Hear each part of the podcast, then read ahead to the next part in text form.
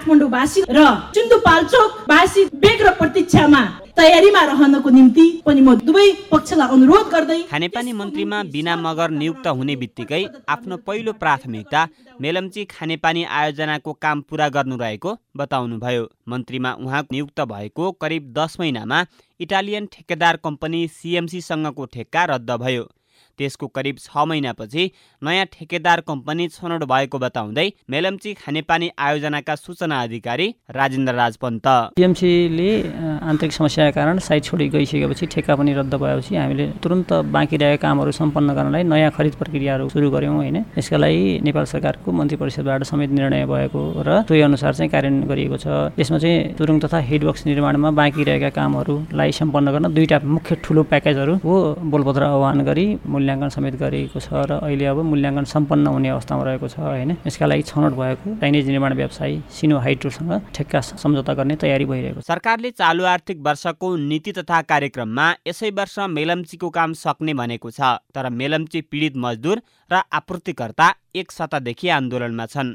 खानेपानी मन्त्रालय भन्छ उनीहरूको माग पुरा गर्नका लागि प्राविधिक समिति गठन गरी काम सुरु भएको छ। समितिका संयोजक एवं मन्त्रालयका सहसचिव चन्द्रबहादुर केसी। अवरोध गरेर अथवा काम रोकेर हामी समाधानमा पुग्दैनौँ हामी सहमतिमा पुग्नुपर्छ। त्यसको लागि कुन बाटो छ कुन उपाय छ कसरी उहाँहरूको चाहिँ पेरमर्का चाहिँ सम्बोधन हुन्छ त्यसतर्फ हामी सकारात्मक रूपमा अगाडि बढ्ने हामीले निर्देशन पनि पाएका छौँ। दुई हजार पचपन्न सालमा निर्माण सुरु भए यता नेपालमा चौबिसजना प्रधानमन्त्री फेरिए। हरेक सरकारको प्रतिबद्धतामा पर्ने तर व्यवहारमा ढिलाइ भइरहने समस्या अझै कतिन्जेल चल्ला।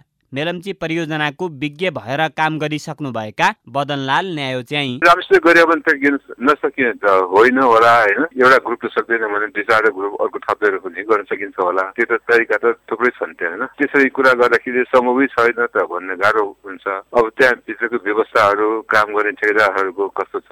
तयारी कस्तो छ?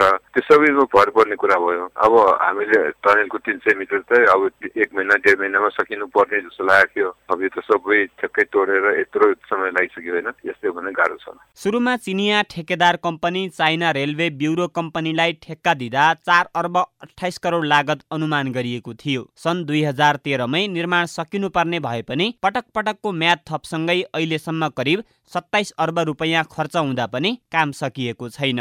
केशव भुल सिआइएन काठमाडौँ।